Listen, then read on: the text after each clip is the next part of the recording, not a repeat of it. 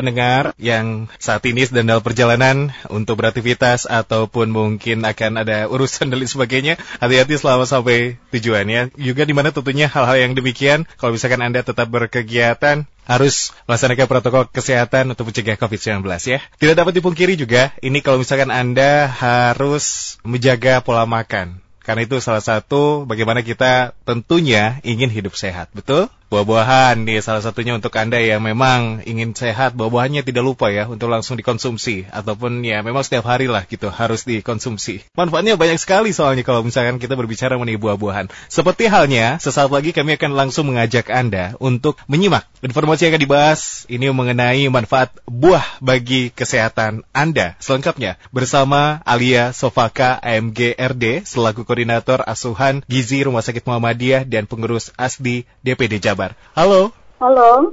Damang Ibu. Hai, Alhamdulillah. Alhamdulillah. Sehat dan bugar, Bang Regi. Sehat, sehat. Alhamdulillah. Sehat Ibu. Saat ini Ibu Alia juga menyempatkan waktu untuk bergabung bersama kami di Fitri Radio Bandung. Terima kasih Ibu. Sama-sama. Insya Allah akan menyampaikan informasi yang bermanfaat untuk kita semua. Ini mengenai manfaat buah bagi kesehatan kita. Nah ini memang Indonesia negara tropis ya Bu ya. Betul. Banyak sekali buah-buahan. Namun saya lihat atau mungkin sesuai data juga menunjukkan bahwa kesadaran masyarakat untuk mengkonsumsi buah-buahan ini kecil mungkin ya Bu ya atau Betul. jarang atau ya mungkin tidak sesuai dengan target ya supaya tetap mengkonsumsi buah-buahan tiap hari dan sebagainya. Tanggapannya Ibu mengenai hal itu Indonesia padahal surga buah-buahan ya.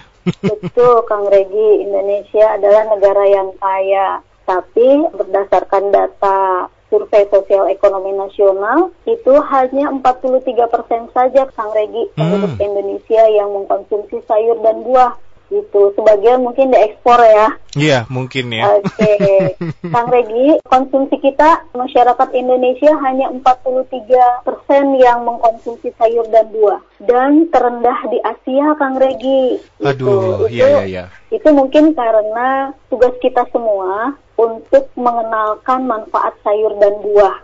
Jadi sesuai dengan istilah kita, tak kenal maka tak sayang ya Kang Regi ya. Betul. Iya. Iya. Oke. Jadi Ibu Alia terima kasih pembukanya ya mengingatkan kepada Iya. kita semua dari data 43% berarti persentase yang lainnya ini antara memang masyarakat tidak mengkonsumsi atau kurang begitu ya seperti yang Betul. dianjurkan. Nah ini menarik Iya. karena memang sekali lagi di Indonesia, di Bandung atau di tempat mana pun ini surga akan buah-buahan. Tentunya menanam buah-buahan ini akan tumbuh sehat dan juga bagus begitu hasilnya. Lalu Ibu Alia, Iya. tentunya buah-buahan ini tadi Ibu juga menyinggung ya sedikit manfaatnya banyak terutama untuk kesehatan dan lain sebagainya. Bu, apakah memang dengan mengkonsumsi buah-buahan ini juga kita akan sehat atau bagaimana sebetulnya, Bu? Oke, Kang Regi, manfaat sayur dan buah saya akan kutip dari Direktorat Jenderal Pencegahan dan Pengendalian Penyakit Tidak Menular ya. Jadi minimal itu ada lima manfaat kita mengkonsumsi buah. Yang pertama, buah itu sebagai sumber vitamin, mineral, dan serat. Di mana kita tahu vitamin dan mineral itu sebagai zat pengatur di dalam tubuh. Sedangkan serat itu adalah membantu pencernaan di dalam tubuh kita. Yang kedua, manfaat dari konsumsi sayur dan serat itu adalah mhm. sumber air. Seperti kita tahu ada buah-buah yang airnya banyak ya Kang Regi. Betul, ya. Ada semangka, Mhm. ada jeruk. Nah, fungsi air ini sendiri adalah membantu meningkatkan metabolisme di dalam tubuh. Kemudian manfaat yang ketiga adalah mencegah penyakit tertentu. Mungkin para fit listener juga sudah sering dengar ya, kalau belimbing itu untuk mencegah atau untuk sebagai terapi dari penyakit hipertensi dan banyak buah-buahan yang lain sebetulnya. Yang keempat, manfaat dari buah itu adalah sebagai sumber antioksidan. An- ya, antioksidan ini adalah suatu senyawa yang melawan radikal bebas. Jadi kalau kita ingat radikal bebas serem-serem biasanya ingatnya ke kanker gitu ya. Betul, Bu. Kenapa mengandung antioksidan? Karena di dalam buah-buahan banyak mengandung vitamin A, vitamin E, vitamin. C, yang kesemuanya itu adalah bagian dari antioksidan. Kemudian berikutnya adalah bisa juga dijadikan untuk pengobatan luar tubuh.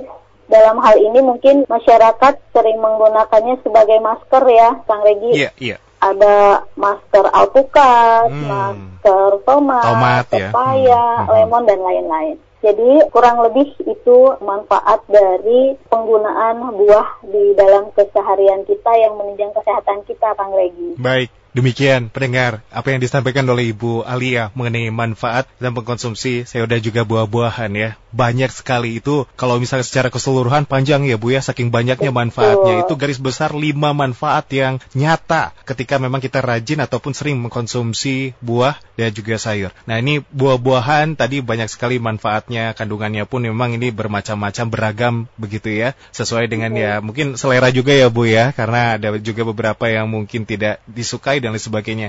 Tapi kalau misalkan kita berbicara mengenai mengkonsumsi buah-buahan, Bu Alia, ini yeah. cara yang tepat ataupun mungkin Ibu punya tips mendapatkan manfaat dari buah ini yang benar-benar maksimal ini dengan cara bagaimana mengkonsumsinya ya Bu? Dimakan langsung Bu? Di jus? Atau mungkin okay. di apa dulu tuh kulitnya dibuang dulu atau bagaimana Bu sebetulnya Bu? Oke, okay. jadi memang nanti tadi seperti Kang Regi bilang akan tergantung sesuai selera. Tapi kalau misalnya kita ingin mendapatkan manfaat yang maksimal gitu, yang pertama barangkali di era tadi di awal ada new era ya, adaptasi kebiasaan baru Kang Regi. Pasti yang wajib untuk menghadirkan buah untuk saat ini adalah buah itu dibersihkan dulu Yeah. Ya, untuk dibersihkan dari kotoran, bakteri, dan pestisida. Itu yang pertama. Yang kedua, buah itu sebaiknya gimana sih konsumsinya? Karena ada kandungan enzim, kemudian ada beberapa vitamin mineral yang memang dengan perlakuan khusus akan rusak, mm -hmm. termasuk juga serat. Jadi memang sebaiknya dikonsumsi dalam bentuk utuh saat masih segar. Namun kalau kita jumpai pada lansia, mungkin ada beberapa yang gigi geliginya mungkin sudah tidak memungkinkan untuk mengkonsumsi buah secara utuh. Nah, konsumsi jus juga bisa sebagai alternatif, Kang Regi. Hmm. Hanya barangkali untuk jus ini perlu ada beberapa yang harus diperhatikan.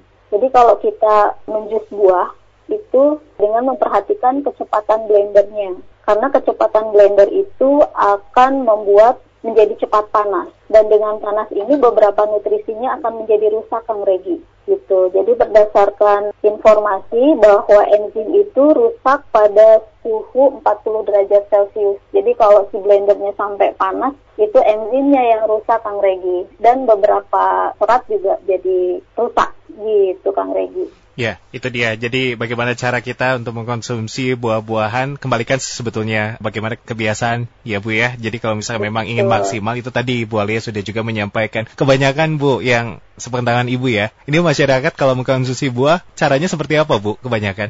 Oke, kalau yang populer sekarang sih di jus ya. Karena kalau di jus itu biasanya lebih cepat gitu ya kita nggak harus ngunyah lama gitu ya. Kemudian sambil berdiskusi atau apa jus mungkin lebih mudah untuk dikonsumsi. Namun tadi Kang Regi ada hal yang harus diperhatikan juga selain blendernya, penambahan gula, susu itu juga akan merusak dari manfaat dari jus itu sendiri gitu kan. Baik, terima kasih Bu Lia. Dan nah ini kalau untuk di Bandung Bu, ada penelitian tidak Bu? Uh, masyarakatnya lebih suka apa? Dominan lebih suka buah-buahan apa? Ada data tidak Bu mengenai itu?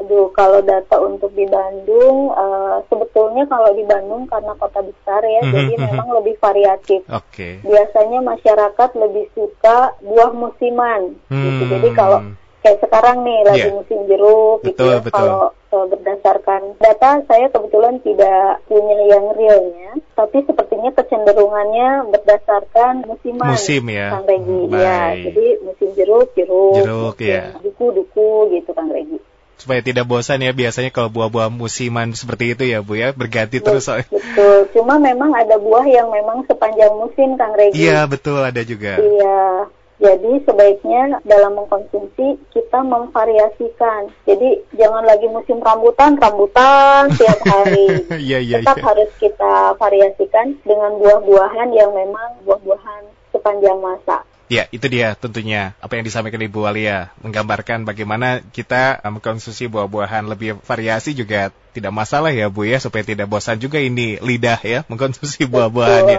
Misalkan Selain tidak bosan juga manfaatnya juga banyak Kang Regi okay. kalau memvariasikan berbagai jenis buah. Oh begitu ya Bu ya. Jadi manfaatnya hmm. semua dapat begitu ya Bu dari setiap buah Betul. yang dikonsumsi. Nah, lalu bagaimana mengenai takaran atau seberapa banyak kita mengkonsumsi setiap harinya untuk buah-buahan Bu? Oke. Okay.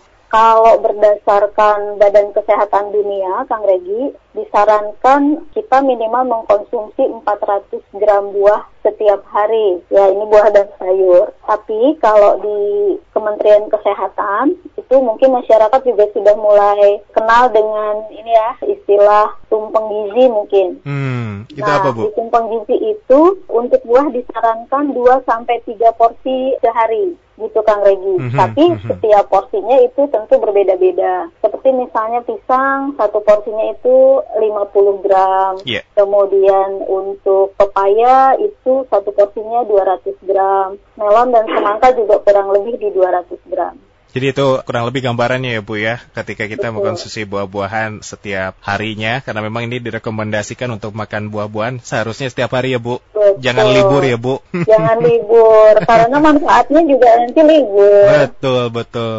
Bu kalau penyimpanan buah-buahan untuk stok begitu ya, misal uh, memang inginnya langsung beli, ini sebaiknya di mana Bu di suhu ruangan atau lebih ke lemari es atau bagaimana Bu? Oke buah-buahan itu memiliki karakteristik masing-masing ya Kang Regi. Hmm, hmm, hmm.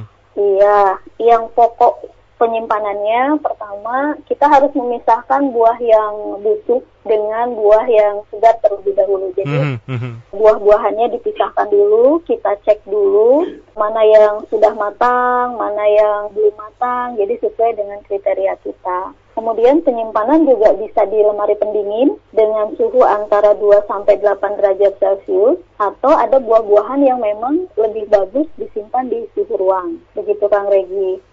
Jadi contohnya misalnya untuk pisang. Pisang itu tidak disarankan disimpan di lemari pendingin, tapi di luar. Kemudian ada beberapa buah-buahan seperti apel. Apel itu dia memproduksi gas etilen yang dapat mempercepat proses pembusukan. Jadi sebaiknya penyimpanan apel itu dibungkus dulu menggunakan kertas untuk mencegah penyerapan gas etilen tadi, Kang Regi. Hmm. Setelah itu yeah. baru disimpan di lemari pendingin.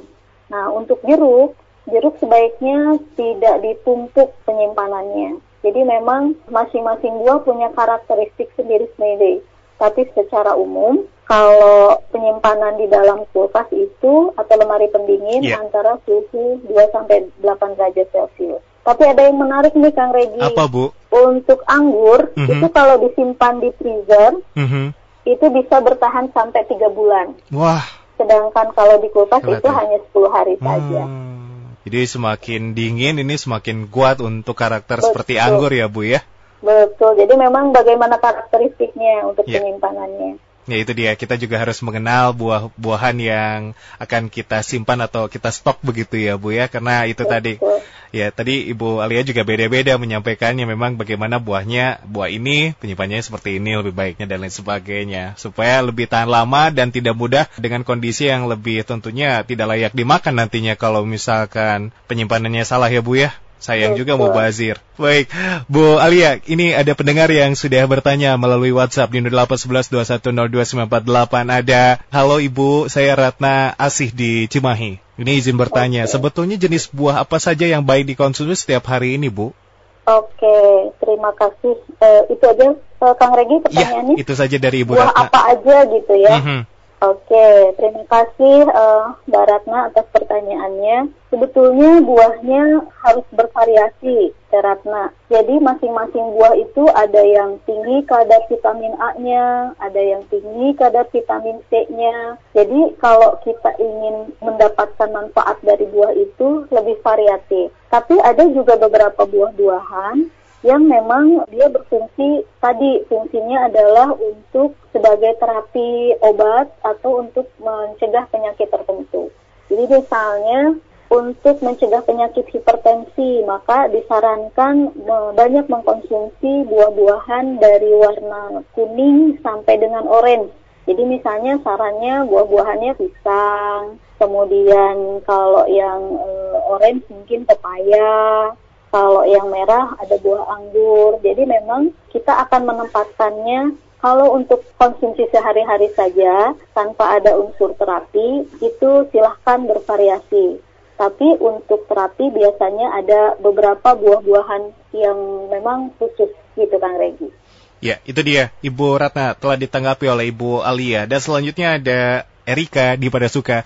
Ini saya pernah mendengar, Bu. Katanya konsumsi buah ini lebih baik di awal sebelum makan berat ya. Supaya manfaatnya ini tetap optimal katanya. Tapi kalau makannya bersamaan dengan makan lain, misal dengan sereal dan sebagainya, apakah manfaatnya juga tetap optimal, Ibu? Oke, Mbak Erika ya, Kang ya, Regi? Betul. Oke. Terima kasih pertanyaan Mbak Erika. Jadi melihat kandungan enzim yang ada di buah-buahan. Enzim itu memang harus disiapkan pada saat perutnya kosong. Jadi sekarang ada beberapa penelitian dan beberapa gaya hidup. Kalau dulu kita buah itu sebagai pencuci mulut ya, jadi sudah makan baru makan buah buat nyuci mulutnya gitu ya. Iya. Yeah. Oke, okay. padahal uh, yang disarankan tidak seperti itu. Betul tadi Mbak Erika informasinya. Jadi disarankan sekarang konsumsi buah itu satu jam sebelum makan. Hmm. Ya, tujuannya adalah untuk mempersiapkan enzim-enzim saluran cerna. Hmm, hmm, hmm. Gitu. Nah, nanti setengah jam kemudian baru boleh minum satu gelas air putih. Yeah. Kemudian setengah jam berikutnya baru kita makan besar. Gitu. Jadi memang melihat fungsi enzimnya, Kang Regi. Baik, itu dia Mbak Erika di Pada Suka ya. Jadi sudah jelas sekarang sudah ditanggapi langsung soalnya oleh Ibu Alia ya mengenai hal tersebut. Dan terakhir, ini salam sehat saya Aditya di Ranca Ekek. Bu, kalau untuk orang dengan riwayat GERD, buah apa yang aman dikonsumsi ya Bu? Oke, dengan riwayat GERD ya dengan Aditya. Uh, riwayat GERD itu sendiri memang harus memperhatikan pola makan Ya, jadi biasanya GERD itu timbul apabila produksi gas di dalam lambung itu berlebihan. Artinya buah-buah apa aja yang boleh. Eh, nah, itu buah-buahan yang tidak bergas tentunya gitu. Jadi kayak misalnya nangka, kemudian durian, itu sebaiknya tidak dikonsumsi. Bagaimana dengan melon, pepaya, itu biasanya lebih bersifat netral ya. Jadi silahkan bisa dikonsumsi untuk pepaya, melon, tapi buah-buahan yang memang banyak kandungan gasnya uh, itu sebaiknya tidak dikonsumsi. Begitu. Ya itu dia Mas Aditya di Ranca Ekek. Terima kasih juga untuk Ibu Alia telah menanggapi interaksi dari pendengar yang sudah bertanya pada kesempatan hari ini. Dan tentunya ya semoga ini tidak lagi terjadi kesimpang siuran mengenai informasi buah-buahan ya Bu Alia ya. Kalau kita bahas hari ini yang paling penting adalah juga tentunya tujuannya supaya mendapatkan manfaat yang maksimal ketika kita mengkonsumsi buah-buahan. Bersama Ibu Alia Sofaka. Ibu sebagai penutup closing statement yang ingin disampaikan silakan Bu. Oke, terima kasih Kang Regi. Mungkin saya sebagai pengurus ASDI Jabar dan sebagai dietitian di Rumah Sakit Muhammadiyah Bandung mengajak kepada seluruh masyarakat untuk mulai ya. Kalau misalnya konsumsi buahnya tadinya bulang betong kata orang Bandung ya. Mm -hmm. uh, sekarang mungkin sudah mulai dirutinkan untuk mengkonsumsi buah 2 sampai 3 porsi sehari sesuai dengan anjuran pemerintah. Dan jangan lupa tetap stay tune di Healthy Lifestyle Radio dan Stay Fit for Life di 94,8 FM Bandung. Bersama Ibu Alia Sofaka, terima kasih atas waktunya untuk kesempatan hari ini telah bergabung bersama kami dan insya Allah ini apa yang disampaikan juga bermanfaat untuk kita semua ya Bu ya. Mudah-mudahan tidak kapok di lain kesempatan kembali meluangkan waktunya untuk bergabung bersama kami Ibu untuk berikan informasi lainnya tentunya ya Bu ya. terima kasih Kang. Sama-sama Ibu, terima kasih selamat beraktivitas. Dan demikianlah bersama Ibu Alia Sofaka, MGRD selaku Koordinator Asuhan Gizi Rumah Sakit Muhammadiyah, dia juga pengurus ASDI DPD Jawa Barat yang telah bergabung di Fit for Life.